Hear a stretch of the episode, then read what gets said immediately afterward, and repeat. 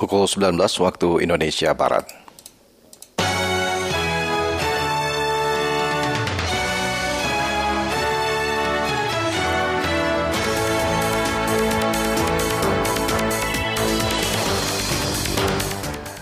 Dari Medan Merdeka Barat 45 Jakarta, inilah Radio Republik Indonesia menyampaikan Warta Berita.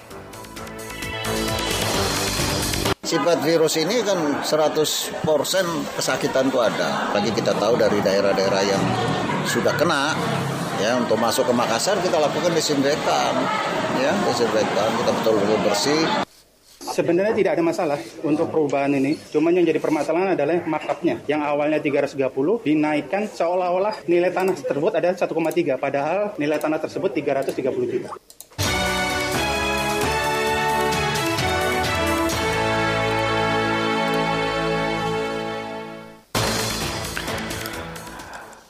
Sari berita, pemerintah daerah diminta memperketat pengawasan lalu lintas perdagangan hewan ternak.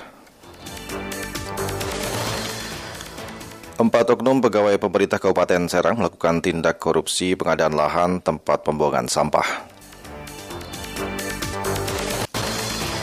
Indonesia dan Kuba menandatangani perjanjian bebas visa bagi pemegang paspor diplomatik dan dinas.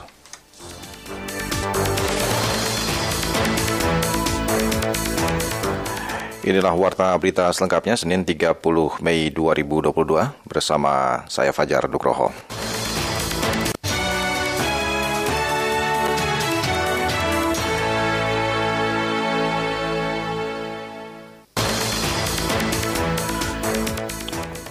Mengawali warta berita malam ini kami sampaikan sekilas berita utama. Wali Kota Bekasi nonaktif Rahmat Effendi didakwa Jaksa Penuntut Umum Komisi Pemberantasan Korupsi menerima suap sebesar 10 miliar rupiah terkait dugaan persekongkolan pengadaan lahan. Sejak awal April hingga 30 Juni 2022 mendatang, Institut Agama Islam Negeri IAIN Kediri, Sulawesi Tenggara membuka kesempatan bagi mahasiswa asing untuk melanjutkan studi jenjang sarjana melalui program beasiswa internasional. Sukarelawan Palang Merah Indonesia Kabupaten Jember Jawa Timur melakukan penyemprotan cairan disinfektan ke di pasar hewan guna mencegah penularan penyakit mulut dan kuku pada hewan ternak.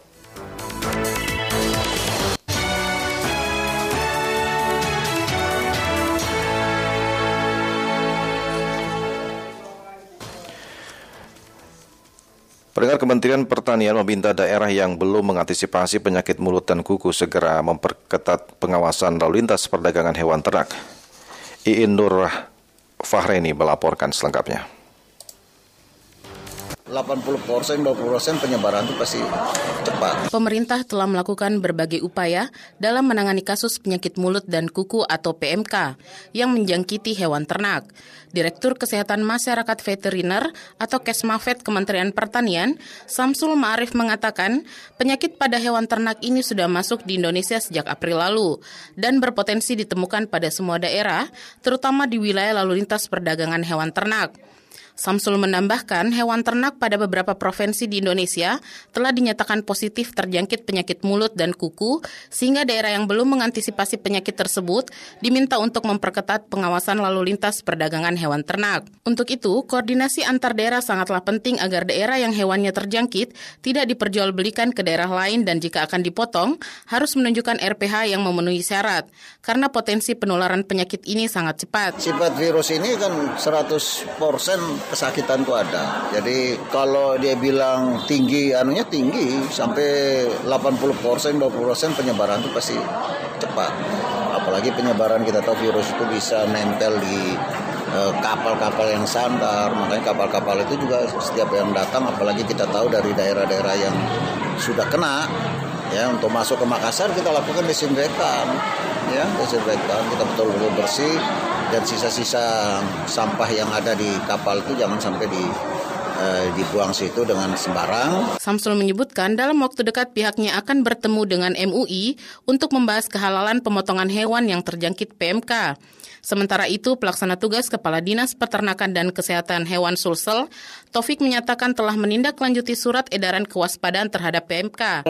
Kita jaga cukup tinggi ini sebetulnya daerah Bone, Maros, Maros kan dekat bandara Bone, dan juga daerah Jeneponto yang ada pelabuhannya seperti Pare-Pare, itu anunya. Jadi semua yang ada pelabuhannya tapi semua itu sudah dibawa kendali. Sebelumnya pemerintah telah memberikan imbauan melalui surat edaran Kepala Badan Karantina Pertanian nomor 12950 garis miring KR titik 120 garis miring K titik 05 2022 tentang peningkatan kewaspadaan terhadap kejadian penyakit mulut dan kuku.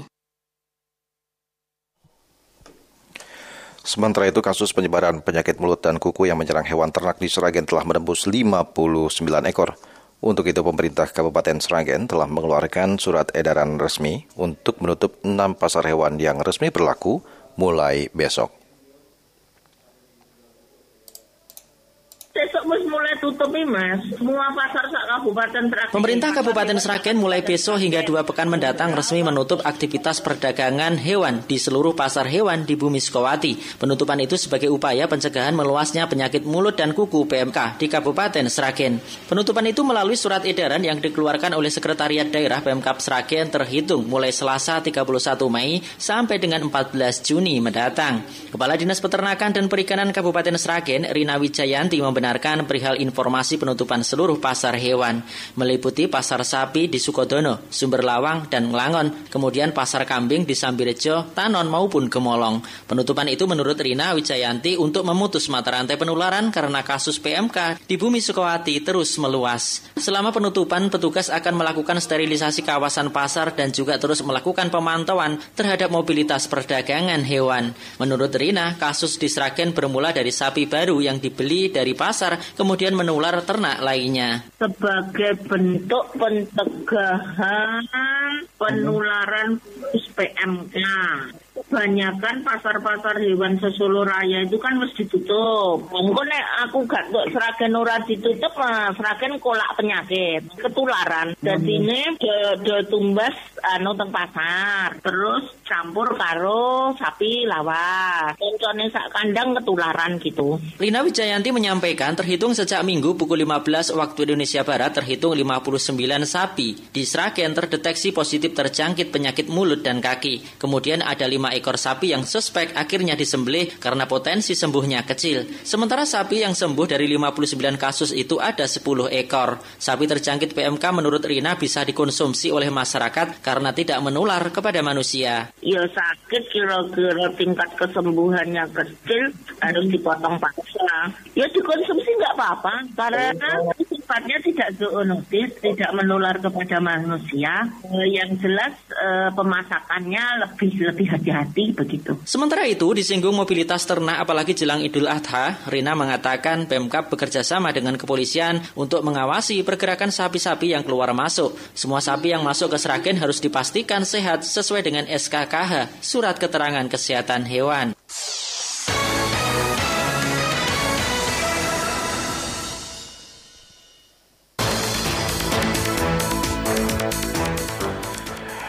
Kita beralih ke informasi lainnya pendengar. Empat oknum pegawai pemerintah Kabupaten Serang diamankan polisi karena melakukan tindak korupsi pengadaan lahan tempat pembuangan sampah. Berikut laporan Nasruddin Johari. Dengan ancaman pidana minimal 4 tahun penjara dan 20 tahun penjara maksimal serta denda minimal 200 juta dan maksimal 1 miliar rupiah. Empat oknum pegawai di lingkup pemerintah Kabupaten Serang bersepakat menaikkan harga lahan untuk peralihan sampah di Kecamatan Petir, Kabupaten Serang. Tidak tanggung-tanggung, keempat oknum tersebut menaikkan harga tanah hingga 300 persen. Keempatnya yakni mantan Kadis Lingkungan Hidup Pemkap Serang berinisial SP, Kepala Bidang Sampah dan Taman Dinas Lingkungan Hidup selaku PPK berinisial TM, Camat Petir berinisial AS, dan Kepala Desa Negara Padang berinisial TE. Kasubdi 3 Tipikor di Kimsus Polda Banten, Kompol Doni Satria Wicaksono mengungkapkan, dari hasil pendalaman, keempat tersangka menaikkan harga tanah yang ditetapkan mencapai 300 persen, di mana Pemkap Serang membayar lahan itu mencapai 1,3 miliar rupiah. Padahal pemilik lahan hanya menerima uang pembayaran tanah sebesar 330 juta rupiah dengan luas lahan mencapai 2.561 meter persegi. Dalam kasus ini Doni menyebut para tersangka memalsukan SK Bupati nomor 539 tanggal 11 Mei 2020 untuk pengadaan lahan yang awalnya di Desa Mekar Baru, kemudian dialihkan ke Desa Negara Padang, Kecamatan Petir, Kabupaten Serang dengan alasan adanya penolakan warga. Sebenarnya tidak ada masalah untuk perubahan ini, cuman yang jadi permasalahan adalah markupnya yang awalnya 330 dinaikkan seolah-olah nilai tanah tersebut ada 1,3 padahal nilai tanah tersebut 330 juta. Kabid Humas Polda Banten Kombes Pol Sinto Silitonga menambahkan, kasus ini sudah didalami penyidik sejak Oktober tahun lalu. Dari rangkaian penyidikan, petugas telah melakukan pemeriksaan terhadap 32 saksi yang terdiri dari 25 orang saksi dari pihak dinas, pihak kecamatan dan desa, serta 7 orang saksi dari pemilik lahan. Selain tersangka, polisi juga mengamankan sejumlah dokumen dan uang sitaan dari proses jual beli. Selain itu juga telah melakukan pemeriksaan terhadap ahli, yaitu ahli perbendaharaan negara, auditor, ahli pidana, dan ahli hukum tata negara. Adapun atas perbuatannya, para tersangka dikenakan sanksi pidana secara berlapis sesuai pasal 2 ayat 1, junto pasal 3, junto pasal 12, huruf I Undang-Undang Nomor 20 Tahun 2021 tentang perubahan Undang-Undang Nomor 31 tahun 1999 tentang pemberantasan tindak pidana korupsi. Junto pasal 55 ayat 1 KUHP dengan ancaman pidana 4 hingga 20 tahun penjara dan denda 200 juta hingga 1 miliar rupiah. Sementara itu, pendengar Komisi Pemberantasan Korupsi KPK mengajukan upaya hukum kasasi ke Mahkamah Agung terkait vonis banding Pengadilan Tinggi DKI Jakarta terhadap mantan Direktur Utama PT Pelindo II, Richard Joslino atau Erjelino. Menurut pelaksana tugas juru bicara KPK Ali Fikri, seperti dikutip reporter Pro 3 RRI Hairul Umam, kasasi diajukan lantaran tim penuntut umum KPK menganggap Pengadilan Tinggi DKI Jakarta tidak menjatuhkan kewajiban pembayaran uang pengganti sebesar 1,9 juta dolar Amerika Serikat kepada salah satu perusahaan swasta yang diduga terlibat tindak korupsi. Adapun yang menjadi alasan diajukannya upaya hukum kasasi tersebut, di antaranya tim jaksa menilai bahwa majelis hakim telah mengadili perkara tersebut dengan tidak menerapkan peraturan hukum sebagaimana mestinya terkait dengan tidak dijatuhkannya putusan mengenai uang pengganti sebesar 1,9 juta dolar Amerika kepada perusahaan HDAM Cina. Tentu penjatuhan pembebanan uang pengganti kepada perusahaan HDHM ini sangat pantas dan wajar sebagai dasar hukum jaksa eksekutor pada KPK nantinya melakukan eksekusi penagihan uang pengganti sebagai bagian dari aset recovery pemulihan kerugian negara akibat korupsi dalam perkara ini. Majelis Hakim Pengadilan Tinggi DKI Jakarta mengesampingkan permintaan KPK terkait upaya pemulihan aset atas perkara Erjelino ini karena menilai putusan Majelis Pengadilan Tindak Pidana Korupsi Pengadilan Negeri Jakarta Pusat telah tepat dan benar usai mempertimbangkan fakta hukum dan hal-hal lain yang meringankan maupun yang memberatkan terdakwa.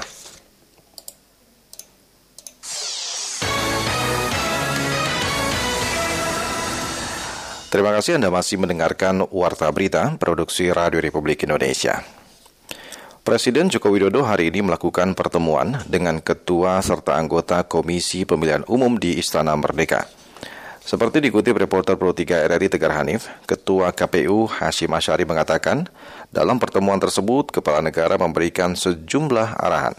Salah satunya meminta KPU melakukan penyelenggaraan pemilu dan pilkada sesuai jadwal yang telah ditentukan, yaitu tanggal 14 Februari 2024. Bapak Presiden mendukung penuh penyelenggaraan pemilu dan pilkada 2024 sebagaimana sudah dijadwalkan yaitu pemungutan suara untuk pemilu pada hari Rabu tanggal 14 Februari 2024. Jadi Presiden ingin memastikan bahwa penyelenggaraan pemilu 2024 dilaksanakan sesuai dengan jadwal dan tepat waktu regularitas lima tahunannya. Yang kedua, Presiden juga akan memerintahkan, akan menugaskan menteri-menteri terkait yang berkaitan dengan penyelenggaraan pemilu yang berhubungan dengan KPU. Di antara ada Menteri Dalam Negeri, Menteri Hukum dan HAM, Menteri Keuangan, Menteri Luar Negeri, Menteri Kesehatan, Panglima TNI, Kapolri, Kejaksaan Agung, yang semuanya akan ditugaskan oleh Presiden memberikan dukungan sepenuhnya kepada KPU terutama untuk dukungan anggaran dan juga personil dan juga logistik kepemiluan. Selain itu, Presiden juga berpesan kepada seluruh jajaran KPU hingga segenap penyelenggara pemilu agar menjaga dan meningkatkan kualitas pemilu, serta berhati-hati dalam menjalankan tugas penyelenggaraan pemilu. Sementara itu, terkait kampanye, Presiden dan KPU sepakat masa kampanye akan dilangsungkan dalam durasi 90 hari.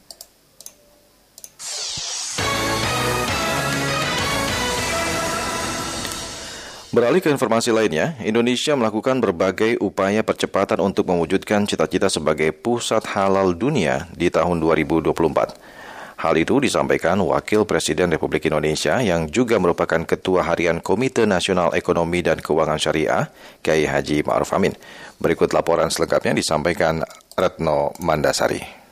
Hari ini kami dari KNEKS Senin 30 Mei, Wakil Presiden yang juga merupakan Ketua Harian Komite Nasional Ekonomi dan Keuangan Syariah KNEKS Ma'ruf Amin memimpin rapat pleno kedua bertempat di Kementerian Keuangan Jakarta. Pertemuan digelar untuk melakukan evaluasi terhadap berbagai pencapaian di bidang ekonomi dan keuangan syariah setelah rapat pleno pertama pada 20 November 2021. Dalam konferensi pers setelah rapat pleno KNEKS, Wapres Ma'ruf Amin menyebut agenda utama dalam rapat adalah untuk menyatukan komitmen melangkah lebih cepat guna mewujudkan cita-cita Indonesia untuk menjadi pusat halal dunia pada 2024. Dijelaskan Wapres, untuk meraih cita-cita itu, Indonesia harus membangun berbagai ekosistem penguatan master plan atau rencana utama tentang data ekonomi syariah yang lebih lengkap. Semua kementerian dan lembaga yang hadir hampir lengkap semuanya dan menyampaikan program-programnya yang sekarang sedang disiapkan untuk disatukan, dijahit oleh Komisi Eksekutif Ekonomi Syariah. Menteri Keuangan Sri Mulyani mengatakan percepatan upaya di dalam ekonomi dan keuangan syariah penting untuk turut melibatkan pelaku ekonomi. Misalnya dalam pemanfaatan keberadaan kawasan industri halal seperti yang telah ada di Kabupaten Sidoarjo dan Kota Jepara. Sekarang beberapa gubernur tadi melaporkan bahwa mereka ingin juga membangun kawasan industri halal. Nah ini perlu untuk didukung dengan program-program dari kementerian lembaga termasuk untuk bisa mengundang para pelaku ekonomi masuk di dalam kawasan ekonomi halal tersebut.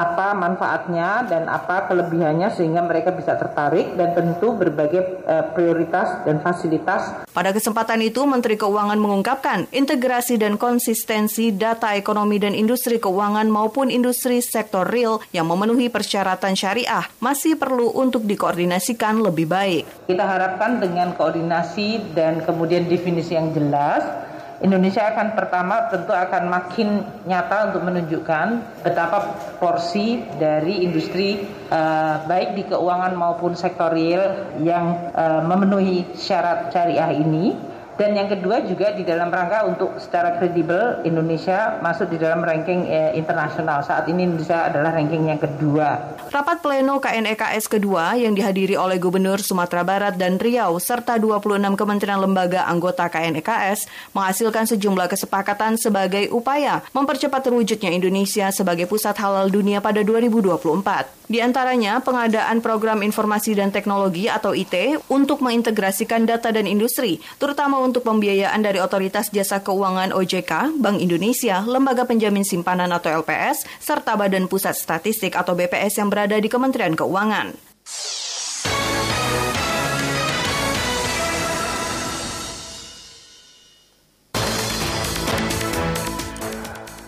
Harga minyak goreng curah di Pasar Hayan Kota Palangkaraya stabil di atas harga eceran tertinggi meskipun mulai besok pemerintah mencabut subsidi minyak goreng curah. Septina Trisnawati melaporkan. Kondisi di lapangan sekarang uh, curah itu 15.000. Jadi uh, ada kenaikan tapi tidak terlalu signifikan ya. Pemerintah akan mencabut subsidi minyak goreng curah mulai Selasa 31 Mei besok. Subsidi minyak goreng curah akan diganti dengan kebijakan DPO dan DMO. Salah seorang pedagang sembako di Pasar Kahayan, Kota Palangkaraya, Syarbani mengatakan harga minyak goreng curah ia jual Rp10.000 per satu bungkus ukuran 4 ons atau setengah liter. Oh, Tetap jalan harganya? Tetap jalan, curahnya ada mau naik. Oh, nggak mau naik ya? Tetap. Kalau dapat barangnya bisa nggak? Barangnya tuh ada tahu Jepang. Oh, selalu ada ya. ya Tinggal ngambil. Ada, ada tahu, tapi yang ini ada kesusahan. Tapi yang beli gimana? Kalau yang curah ada juga lah yang beli. Beli ada. Lumayan banyak ya. Iya. Kalau yang disiapin berapa biasanya per harinya? Berapa bungkus? Kita paling 10 bungkus juga. Paling 10 bungkus Iya. ya. Dan Itu itu agak lambat juga. agak lambat ya habisnya. Iya. Ada dua hari hanya. Sementara itu untuk minyak goreng kemasan sederhana masih dijual Rp24.000 per liter. Untuk minyak goreng kemasan premium harganya fluktuatif, tertinggi sempat dijual dengan harga Rp27.000 per liter dan saat ini dijual dengan harga Rp24.000 per liter. Di tempat berbeda, Kepala Dinas Perdagangan dan Perindustrian Provinsi Kalimantan Tengah, Aster Bonawati mengatakan Pihaknya masih menunggu apakah kebijakan tentang minyak goreng curah melalui Kementerian Perdagangan atau Kementerian Perindustrian. Tapi tetap kita masih menggunakan uh, head yang terakhir ya 14.500 ya 14.500. Kondisi di lapangan sekarang uh, curah itu 15.000. Jadi uh, ada kenaikan tapi tidak terlalu signifikan ya dan di pasaran masih ada masih tersedia gitu. Nggak nggak nggak kurang.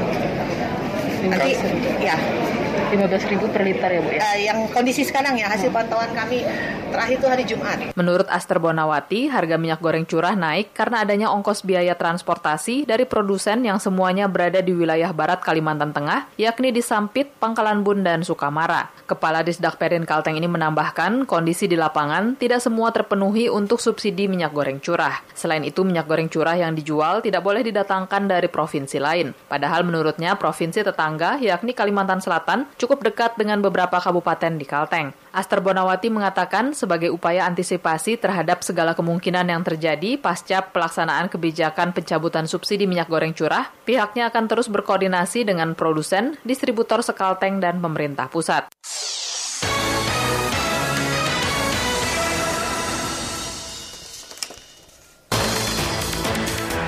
Kita beralih ke informasi dari luar negeri. Indonesia dan Kuba telah menandatangani perjanjian bebas visa bagi pemegang paspor diplomatik dan dinas.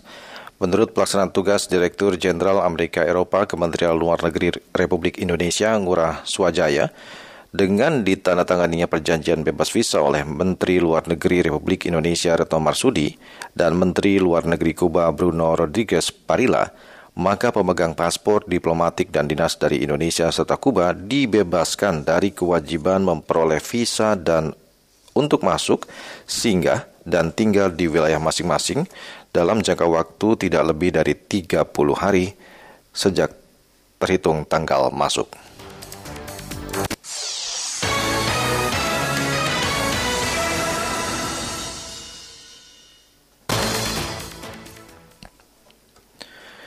Jepang akan melonggarkan larangan masuk bagi wisatawan asing yang sebelumnya telah berlangsung selama dua tahun akibat pandemi COVID-19.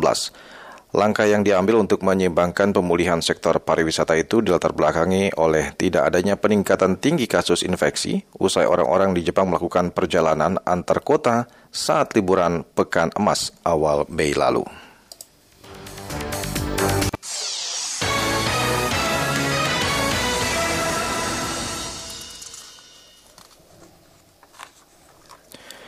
Beralih ke informasi dari dunia olahraga.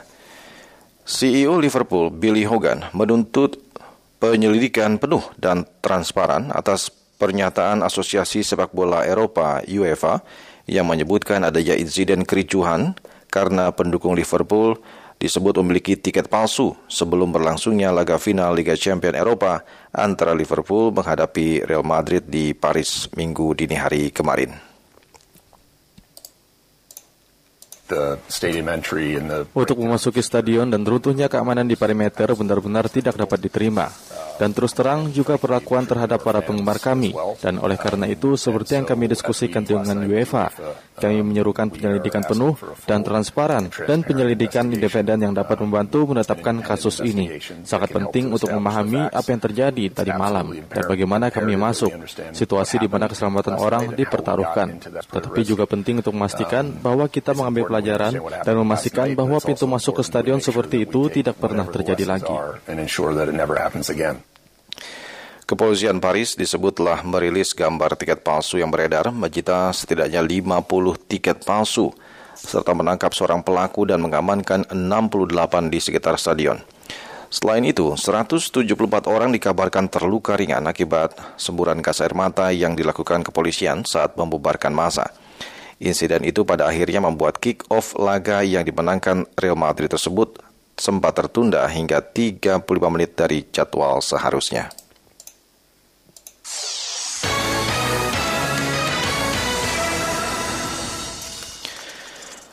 Pendengar setelah meraih medali emas SEA Games, atlet balap sepeda Indonesia Zainal Fanani mengincar tiket ke ajang lebih tinggi, yaitu Olimpiade. Menurut pelatih timnas MTB Cross Country Olimpik Indonesia, Oki Rasmati, tri semester pertama penghitungan poin Olimpiade 2024 di Paris sudah mulai dilakukan. Untuk mewujudkan target itu, tahun depan Fanani harus mengikuti setidaknya tiga seri kejuaraan dunia dan kejuaraan Asia, dengan minimal menempati posisi tiga besar. Selain itu, Vanani juga akan mempersiapkan diri mengikuti seri UCI MTB Eliminator World Cup 2022 yang rencananya berlangsung di Palangkaraya akhir Agustus mendatang.